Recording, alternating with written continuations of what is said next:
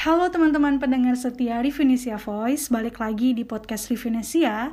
Kali ini bersama aku lagi, Anissa Sophia, yang biasanya bakal nge-host uh, podcast Revinesia Voice bareng um, kalau misalnya kita lagi ngebahas tulisan seputar hubungan internasional, kita akan nge-podcast bareng penulisnya atau kalau kita lagi ngebahas isu-isu atau topik yang ada di hubungan internasional, kita akan belajar langsung nih dari teman-teman yang udah berpengalaman atau memang concern di isu tersebut. Nah, teman-teman, kali ini di podcast kali ini kita akan mengundang atau sudah diundang nih, udah ada nih di de di dekat aku, teman-teman, yaitu adalah salah satu um, orang yang memang concern di isu yang bakal kita bahas pada hari ini.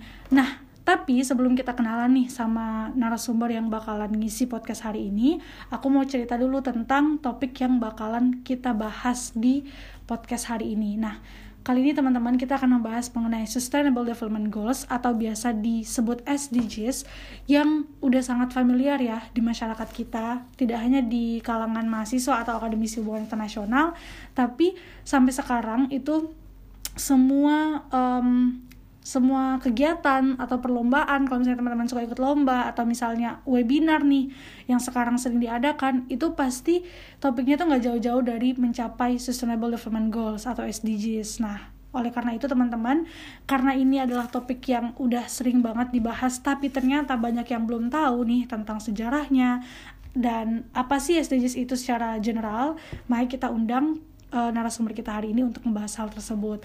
Nah, narasumber kita pada hari ini itu namanya adalah Kak Andi. Halo Kak Andi. Halo Ica dan teman-teman Review Nesia.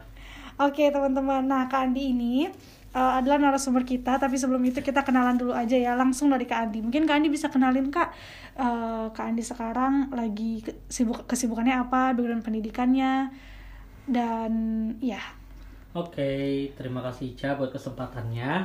Dan terima kasih juga ke teman-teman Revinesia sudah mau ngajak aku buat sharing-sharing tentang uh, eh, SDGs ya topik yang menarik banget untuk kita bahas sebagai anak AI sebagai uh, orang muda juga seperti itu nah kalau untuk perkenalan singkat uh, sebelumnya perkenalkan nama aku Andi Firmansah atau biasa dipanggil Andi dan saat ini uh, aku sedang menempuh studi di uh, Magister Kepemimpinan dan Inovasi Kebijakan di Universitas Gajah Mada dan juga uh, sebelumnya itu uh, menempuh pendidikan di hubungan internasional di Universitas Muhammadiyah Yogyakarta.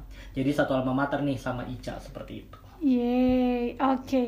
Um, nah Kandi, kan uh, aku ngundang Kandi kayak ke podcast ini kan karena memang Kandi itu kalau dilihat teman-teman di kesibukannya sebenarnya bisa dilihat tuh dengan mudah di sosial media ya. Kandi ini cukup aktif berkecimpung di bidang SDGs gitu. Nah mungkin Kandi bisa cerita dulu kak tentang kesibukan Kandi uh, terutama di SDGs dalam memperkenalkan SDGs dan mewujudkan SDGs di Indonesia.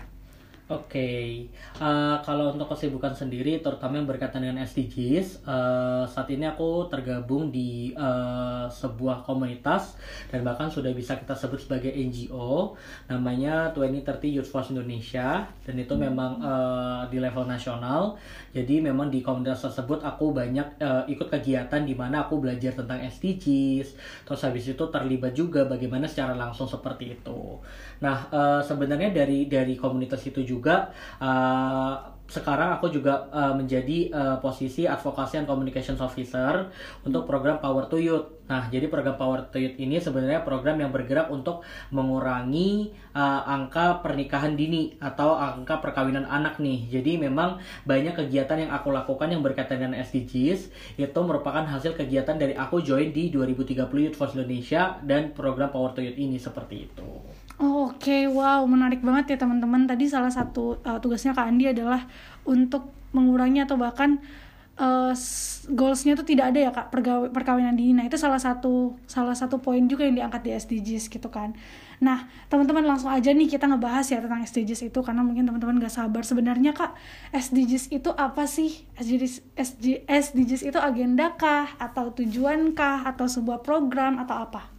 Oke, uh, pertanyaan menarik banget uh, Ica. Uh, jadi memang mungkin uh, alangkah lebih baiknya ketika kita ingin tahu sebenarnya apa itu SDGs kita perlu lebih tahu dulu ya sebenarnya kapan sih nanti SDGs ini muncul atau mungkin uh, sebenarnya apa yang menjadi latar belakang dari SDGs ini muncul seperti mm, itu. Benar-benar. Nah SDGs atau yang kita sebut juga sebagai Sustainable Development Goals atau kalau bahasa Indonesia-nya sebutannya tujuan pembangunan berkelanjutan. Mm. Jadi kalau secara sederhana SDGs ini sebenarnya uh, tujuan yang ingin dicapai sama negara-negara di dunia nih di tahun tahun 2030.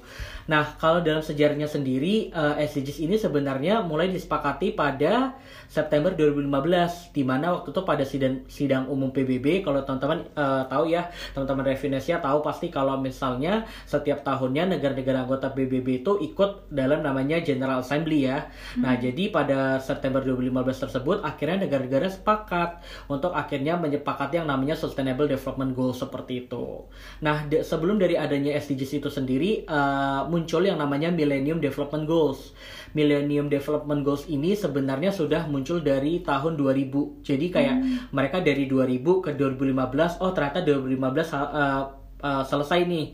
Nah, terus akhirnya 193 negara tuh sepakat lagi, oh kita harus memperpanjang target uh, bersama kita seperti itu. Jadi, apa yang sebenarnya bisa kita pahami dari SDGs ini sendiri adalah, oh ternyata ada tujuan bersama yang pengen dicapai selama negara-negara di dunia ini, misalnya untuk mengurangi kemiskinan atau mengurangi ketidaksetaraan, permasalahan lingkungan dan uh, target-target uh, lainnya yang mungkin nanti setelah ini kita akan lebih bahas uh, lebih lanjut seperti itu. Itu sih secara sederhananya Ica tentang SDGs. Oke. Okay. wow teman-teman tadi uh, Kak Andi udah ngejelasin soal SDGs dan juga sempat menyinggung sejarahnya. Jadi ternyata sebelum SDGs ini ada MDGs ya Kak Andi, ya, Millennium Development Goals dan kemudian dilanjutkan secara lima, uh, 15 tahun gitu, jadi dari MDGs 2000 sampai 2015. Terus lanjut dari 2015 sampai 2030 targetnya SDGs dan SDGs ini teman-teman aku highlight lagi dari penjelasan Kak Andi adalah tujuan yang ingin dicapai oleh negara-negara di dunia.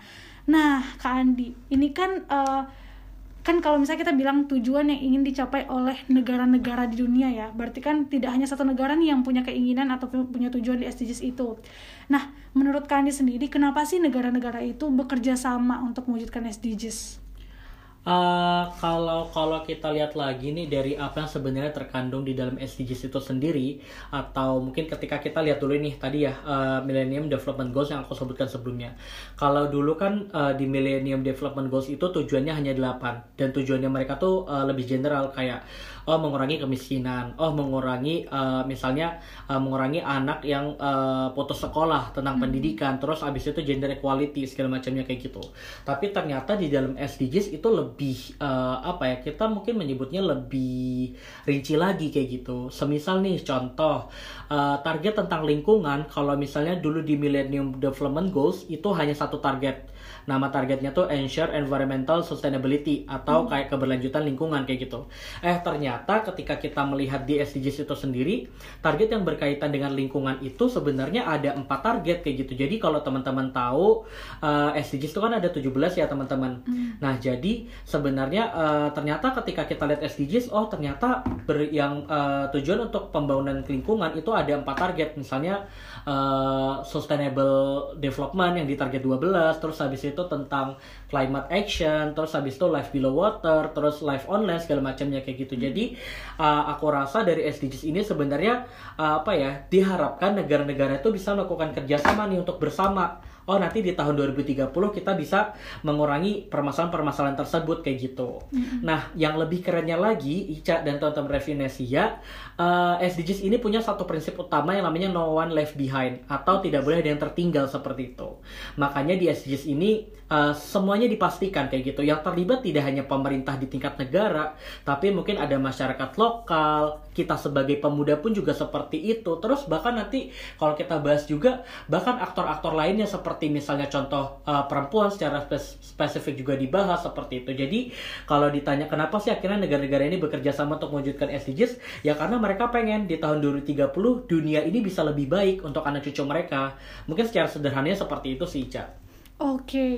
wow, keren banget ya teman-teman penjelasan dari Kak Andi tadi. Tadi uh, kalau misalnya aku dengar penjelasan kali tadi ada beberapa poin kayak misalnya lingkungan, kemudian isu perempuan itu kan memang tidak tidak apa ya tidak dibatasi oleh wilayah ya gitu kan. hmm. kalau misalnya kita bicara isu lingkungan misalnya nah itu kan uh, mis climate change misalnya itu nggak cuma dirasakan oleh satu dua negara doang tapi uh, kenaikan temperatur udara kemudian bencana alam itu kan juga dirasakan oleh banyak tempat gitu nah that's why kenapa negara-negara ini perlu uh, melakukan aksi yang serentak bareng-bareng gitu untuk mewujudkan SDGs ini nah teman-teman terus tadi Kandi juga nyebutin kan kak kalau misalnya ini tuh tugas uh, bersama negara-negara gitu nah negara-negara uh, itu kan erat banget kaitannya sama hubungan internasional, hubungan antar negara gitu. Nah, seberapa penting sih SDGs ini tuh dalam uh, hubungan internasional? Gitu, Pak. Oke, okay. uh, eh, pertanyaan menarik banget sih ini karena uh, yang pertama yang perlu kita benar-benar pegang erat ketika kita membahas tentang SDGs atau mempelajari SDGs ini adalah kita perlu tahu tadi ya prinsip tadi no one left behind atau tidak ada yang tertinggal atau mungkin uh, semuanya terlibat kayak gitu. Jadi uh, sama pun yang aku rasakan kalau kita mempelajari hubungan internasional itu kan sebenarnya kita belajar tidak cuma uh, kita kita saja sebagai anak HI, tapi kita juga belajar ekonomi, sosial segala macamnya seperti itu. Kalau nanti teman-teman juga lihat, teman-teman reviewnya juga lihat target-target uh, SDGs itu ber benar-benar beragam banget dari goal satu atau tujuan pertama itu tentang kemiskinan oh berhubungan dengan ekonomi segala macamnya. Terus ada tentang goal keempat tentang pendidikan berkualitas. Oh mungkin teman-teman yang latar belakangnya pendidikan itu juga terlibat kayak gitu. Terus tujuan ketiga kehidupan sehat dan sejahtera atau good uh, good health and well-being kayak gitu. Oh ternyata teman-teman dari uh, misalnya uh, tenaga kesehatan segala macamnya, oh mereka ternyata punya peran juga kayak gitu. Makanya kalau saya memang ditanya kayak seberapa penting sih sebenarnya SDGs dalam hubungan internasional? Ya lagi-lagi SDGs ini benar-benar melibatkan semua orang kayak gitu. Karena itu yang menjadi memang tujuannya SDGs gak cuma mereka yang tinggal di kota tapi sebenarnya yang mereka-mereka di desa pun juga uh, harus dilibatkan kayak gitu.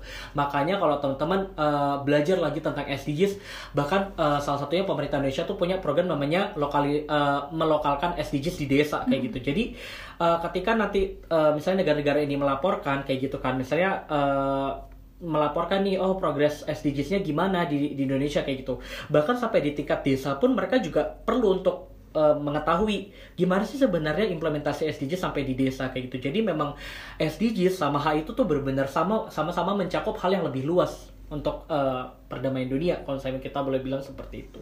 Hmm, oke. Okay. Oke, okay, nah menarik banget teman-teman tadi Kak Andi sempat mention aktor-aktor dalam hubungan hmm. internasional ya, Kak.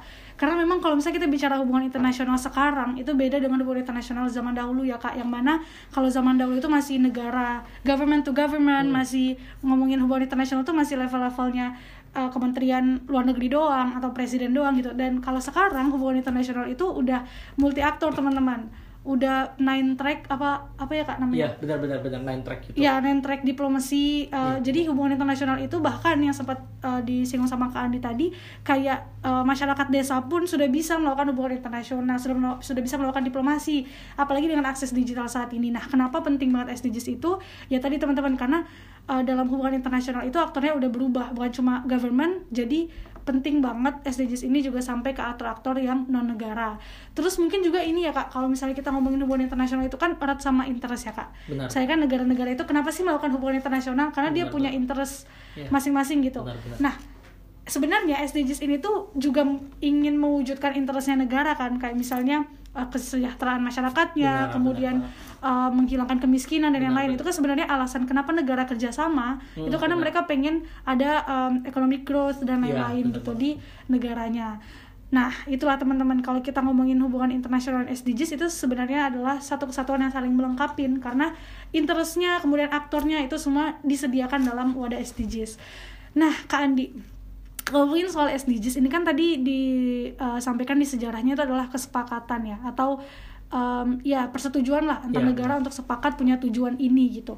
Nah kalau misalnya aku ngelihat ya kak, kan sebenarnya negara-negara di bawah PBB aja nih ada banyak banget kesepakatan yang dibuat misalnya uh, kayak CEDAW terus juga Declarations of Human Rights kemudian peraturan-peraturan yang lain gitu Nah, peraturan-peraturan ini tuh cenderung misalnya sudah dibuat tapi kemudian uh, ada negara-negara yang bahkan menentang misalnya atau yeah. misalnya sulit untuk dibahas di dalam forum internasional. Nah, menurut Kak Andi nih, kenapa sih kesepakatan SDGs ini tuh kayak punya tempat yang inklusif gitu? Kenapa negara-negara tuh kalau ngebahas SDGs semuanya mau ngebahas gitu kan? Terus kayak kayak jarang lah kita dengar kalau negara A itu menentang SDGs. Itu menurut Kak Andi kenapa Kak?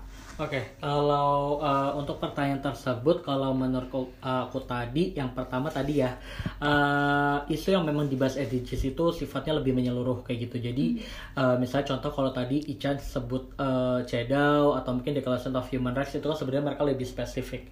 Tapi sebenarnya SDGs ini pun juga uh, mereka mengatur hal yang beragam kayak gitu. Kayak tadi aku udah ngasih contoh ya tentang gender equality, kesehatan, education, lingkungan, terus habis itu segala macamnya seperti itu.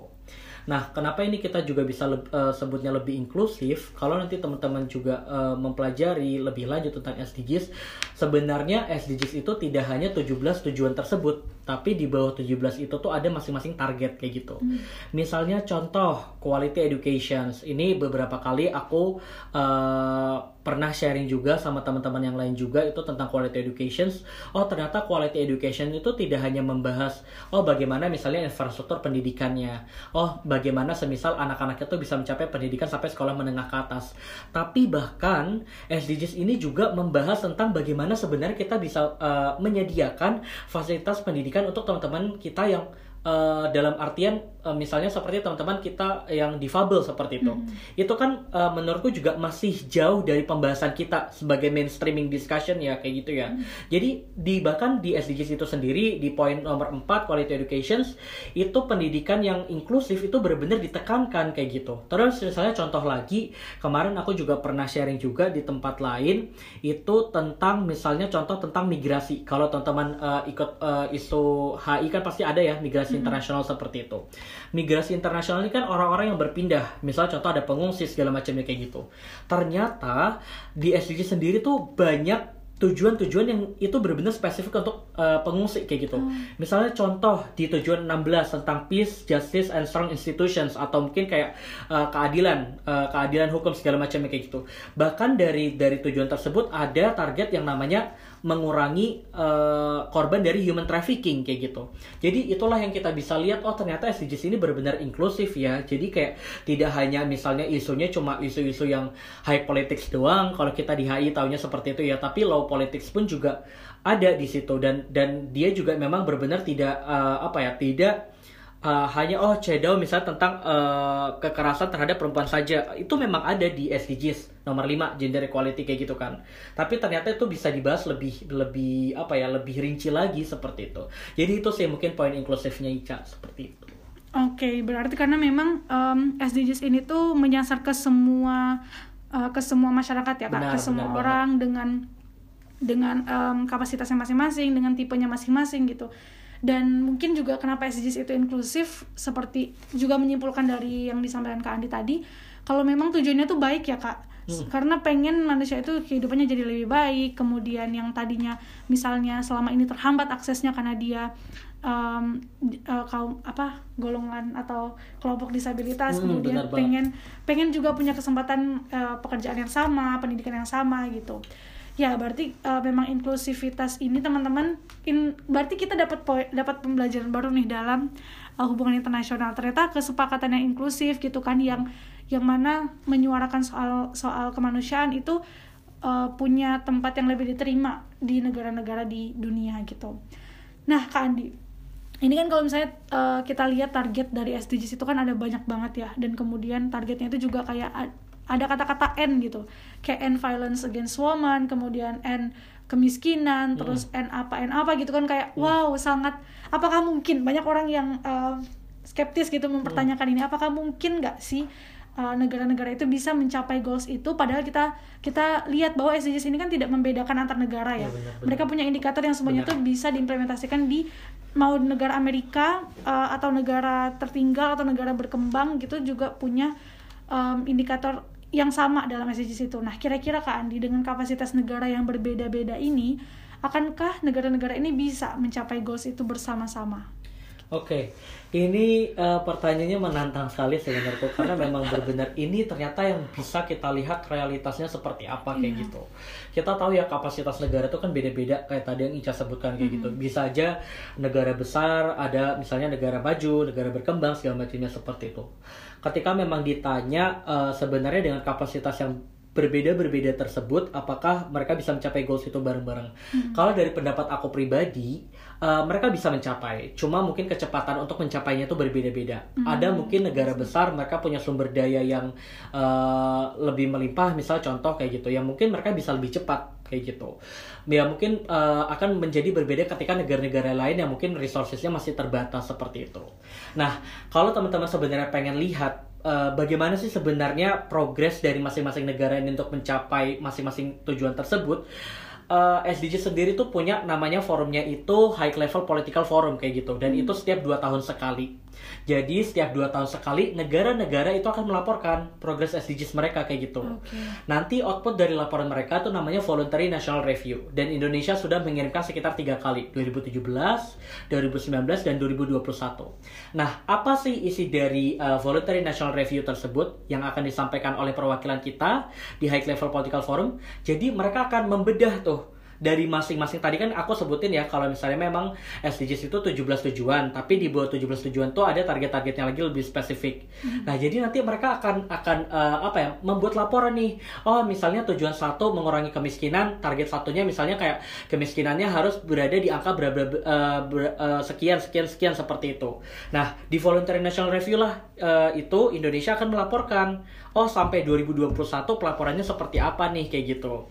Jadi kalau nanti teman-teman pengen tahu sebenarnya progresnya gimana ya teman-teman bisa nanti ikut misalnya berarti uh, dua tahun lagi nih berarti high level political forumnya kayak gitu. Dan aku membayangkan sih uh, pasti akan beda kayak gitu negara-negara hmm. besar sama mungkin misalnya negara-negara uh, yang misalnya negara berkembang kayak gitu.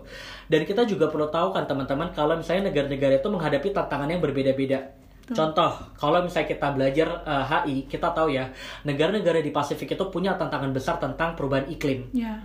Berbeda dengan negara-negara di Afrika Misalnya kalau tadi di negara-negara apa di negara-negara Pasifik mereka iklimnya kayak uh, adanya ancaman uh, negara mereka akan tenggelam kayak gitu perubahan iklim segala macam kayak gitu. Tapi berbeda dengan Afrika misalnya yang mereka lebih banyak daratannya itu kan akan berbeda seperti hmm. itu. Terus dari kondisi masyarakatnya, kondisi perekonomiannya seperti itu. Jadi uh, sekali lagi kalau aku boleh bilang pasti mereka mencapai cuma mungkin uh, waktu untuk mencapai itu akan berbeda-beda seperti itu tapi ya itu tadi harapannya di 2030 semua target itu akan tercapai di masing-masing negara seperti itu oke okay. wow keren banget sih kan di penjelasannya jadi uh, poin intinya teman-teman uh, kalau aku bisa simpulkan dari Kak Ani tadi optimis ya kak bisa hmm, mewujudkan nah. bisa mencapai semua negara di dunia ini tapi dengan kecepatan yang berbeda. Karena tadi teman-teman kalau misalnya dalam hubungan internasional itu ya apalagi kita sebagai mahasiswa HI ini uh, kita tidak hanya melihat itu sebagai sebuah proses gitu tapi kita lihat itu tuh juga eh bukan hanya sebatas pencapaian tapi juga melihat itu sebagai proses. Jadi kita kulitin nih apa sih yang yang mem bisa mempengaruhi proses itu maju gitu. Karena tadi sempat dimention sama Kak Andi juga uh, tantangannya itu berbeda dari segi wilayahnya, dari segi mungkin masyarakatnya juga ya Kak Andi, hmm, bagaimana benar, pola pikir masyarakat tentang uh, misalnya kasus uh, gender equality dan lain-lain itu kan berbeda antara uh, masyarakat dengan budaya di daerah Asia sama di, di daerah Eropa gitu. Hmm. Nah, itu yang mungkin juga harus diperhatikan ketika negara-negara uh, mulai bergerak untuk mencapai tujuan-tujuan itu teman-teman. Tapi optimis bahwa kita bisa mewujudkannya. Nah, um, ini pertanyaan terakhir Kak Andi karena kita bicara soal mewujudkan SDGs nih kan tadi uh, Kak Adi sempat mention kalau SDGs ini adalah tugasnya semua orang bahkan kita pemuda every single person itu punya uh, kewajiban atau punya hak atau punya kapasitas lah untuk bisa mewujudkan SDGs ini terus pemerintah juga kemudian NGO perusahaan semua semua sekarang sedang bergerak di SDGs nah kalau menurut Kak Andi sendiri nih uh, Kak Andi bisa sebutin nggak salah satu kunci kunci untuk mewujudkan SDGs ini yang paling penting siapa aktornya dan apa aksinya yang uh, kira-kira paling bisa berdampak untuk mewujudkan goals goals uh, eh, SDGs itu yang ada 17 17 buah SDGs itu dalam um, 2030 ke depan gitu. Oke, okay, kalau aku ditanya satu aktor yang akan ber, uh, akan paling berpengaruh dalam implementasi SDGs, aku bakal bilang pemuda kayak gitu. Pemuda. Memang uh, sekali lagi no one left behind ya, semua akan terlibat pemerintah, yeah. akademisi, sektor bisnis, uh, masyarakat lokal segala macamnya. Tapi yang aku rasa pemuda ini punya peluang yang sangat besar kayak gitu. Karena kalau misalnya kita bicara 2021 sekarang, 9 tahun lagi pemuda-pemuda itu pasti akan banyak yang menjadi pemimpin-pemimpin dunia Iya. Maka dari itu sebenarnya ketika 2030 itu adalah waktu yang apa ya kalau kita sebutnya mungkin kayak waktu emasnya para pemuda nih Hmm. untuk benar-benar menjadi pemimpin dunia kayak gitu. Maka dari itu aku eh, merasa pemuda ini yang sebenarnya menjadi pemain kunci untuk implementasi SDGs kayak gitu. Dan kalau ditanya nih teman-teman, sebenarnya gimana sih nanti kontribusi pemuda kayak gitu? Iya. Kalau nanti teman-teman dengarkan ini juga, gimana sih semisalnya eh, cara untuk terlibat dalam SDGs eh, dari teman-teman sebagai pemuda? Aku bakal ceritakan eh, atau aku bakal mention nih dari hal yang paling mudah sampai mungkin hal yang benar-benar eh, bakal menjadi pengalaman yang keren buat teman-teman kayak gitu. Yang pertama sebenarnya kalau dari hal-hal yang paling mudah adalah teman teman-teman itu bisa mengekspor diri teman-teman sendiri kayak gitu. Betul. Teman-teman pasti perlu tahu nih, oh dari dari 17 tujuan tersebut mana sih yang menjadi minat teman-teman kayak gitu kan. Misalnya Ica, Ica ini kan eh, misalnya gender equalities kayak gitu. Oh, berarti Ica bisa berkontribusi di situ kayak gitu. Misalnya aku aku di bidang lingkungan di eh, tujuan nomor 13. Oh, aku berarti climate actions. Nah, maka dari itu penting sebenarnya bagi teman-teman untuk eh, mengekspor diri teman-teman sendiri, kemampuan dan kemauan teman-teman itu di mana kayak gitu. Terus yang kedua, teman-teman juga perlu nih untuk misalnya ikut kegiatan komunitas nih. Misalnya ikut Revinesia mungkin atau mungkin ikut komunitas-komunitas di tempat teman-teman. Karena aku boleh bilang sih teman-teman kalau semua hal yang teman-teman lakukan di organisasi teman-teman itu sebenarnya semuanya berdampak kepada SDGs kayak gitu. Mau itu di bidang pendidikan, mau itu di bidang misalnya kayak eh, ada misalnya ada UKM koperasi kayak gitu. Itu kan juga ber eh, apa ya berdampak ke perekonomian kayak gitu kan. Terus berikutnya juga teman-teman bisa nih yang rajin banget menggunakan media sosial itu eh, misalnya sharing-sharing info tentang misalnya kayak oh gimana sih cara mengurangi sampah nih? Untuk mengurangi timbulan sampah kayak gitu. Terus teman-teman juga penting untuk update sama isu-isu terkini. Gimana sih sebenarnya misalnya akses infrastruktur pendidikan kita sekarang tuh udah merata atau enggak sih? Kayak gitu. Nah dengan hal yang sederhana itu kan biasanya kita sebut pemuda ini kan sebagai critical thinker ya. Jadi kayak benar-benar kritis nih pemuda ini kan teman-teman tuh biasa ya merespon sesuatu ah aku nggak suka nih atau ah aku uh, mau melakukan ini kayak gitu kan nah untuk lebih apa ya lebih yang aku bilang lebih kerennya lagi teman-teman bisa nih misalnya untuk terlibat dalam pembuatan kebijakan kayak gitu nah teman-teman ini aku juga boleh uh, mau cerita teman-teman kalau misalnya sebenarnya jadi kan SDGs ini kalau di Indonesia itu dibantu sama namanya Kementerian PPN Bapenas kayak gitu. Nah, Kementerian Bapenas ini sebenarnya ketika nanti ingin menyampaikan laporan voluntary national review-nya, mereka akan membuka namanya public hearing. Mereka akan membuka kesempatan seluas-luasnya, termasuk kepada para pemuda. Bahkan ada agendanya sendiri untuk konsultasi kepada organisasi-organisasi pemuda. Jadi nanti organisasi pemuda yang ada di Indonesia itu akan diundang semua untuk ditanyain satu-satu. Oh kontribusi kalian di organisasi kalian tuh apa aja kayak gitu. Nah jadi menurutku bahkan ketika nanti kalian udah punya bekal tentang kemauan dan kemampuan diri kalian sendiri, kalian bisa nih untuk terlibat dalam pembuatan kebijakannya. Dan aku rasa itu pasti bisa nih untuk menjadi pemain kunci dalam implementasi SDGs dan pencapaian SDGs di dua, di tahun 2030 seperti itu. Wow, teman-teman udah dengar ya pesan-pesan dari Kak Andi. Eh, apa sih yang bisa kita lakukan dari step yang paling mudah sampai step yang paling wow keren kita jadi bagian dari pembuat kebijakan bagian dari decision maker gitu kan. Ternyata kita bisa teman-teman.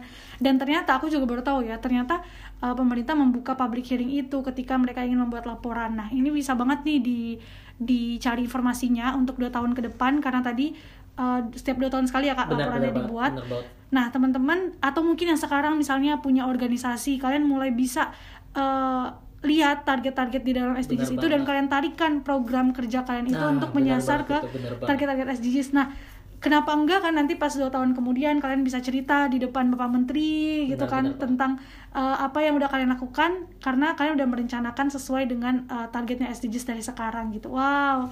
Wow, keren banget teman-teman. Nah, teman-teman kita udah em, ternyata udah sekitar hampir setengah jam kita ngobrol sama Kandi nggak kerasa ngobrolin soal SDGs ini dan kita sampai di akhir eh, sesi podcast ini Kandi. Nah, mungkin em, aku kasih kesempatan ke Andi untuk closing statement ke teman-teman semuanya eh, tentang SDGs ini dan kasih pesan-pesan juga boleh atau kasih review singkat materinya tadi juga boleh. Silakan Kak Andi. Oke, okay.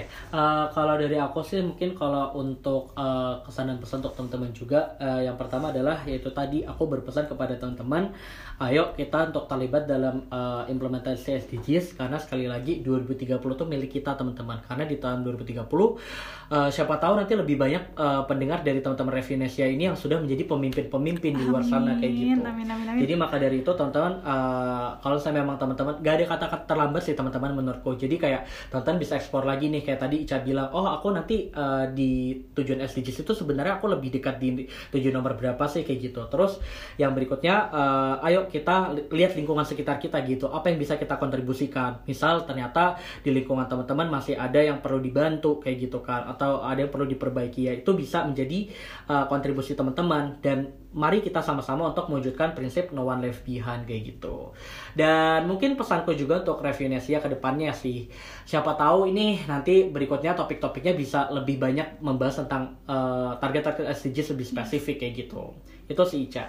Thank you. Oke, okay, thank you Kandi. Pesan-pesannya sekaligus masukan buat Revinesia. Aku juga uh, jadi apa ya? Jadi punya planning nih. Kayaknya uh, seru deh kalau misalnya podcastnya ada 17 episode membahas membahas masing-masing goals gitu kan. Jadi kita bisa lebih apa ya lebih uh, jauh lebih kenal sama masing-masing poin di SDGs itu. Nah teman-teman kita sudah sampai di akhir sesi podcast ini.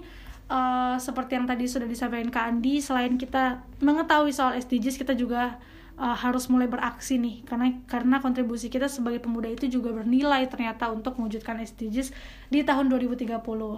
Nah, teman-teman, mungkin itu aja podcast kita pada hari ini. Semoga dari podcast ini teman-teman bisa semakin kenal dengan SDGs dan kalau misalnya nanti ketemu kata-kata SDGs atau misalnya uh, ada kegiatan Sustainable Development Goals atau hal-hal yang berbau SDGs, teman-teman bisa nih menggunakan materi kita pada hari ini untuk uh, di kelola dan disampaikan pendapatnya soal SDGs itu di uh, kegiatannya teman-teman.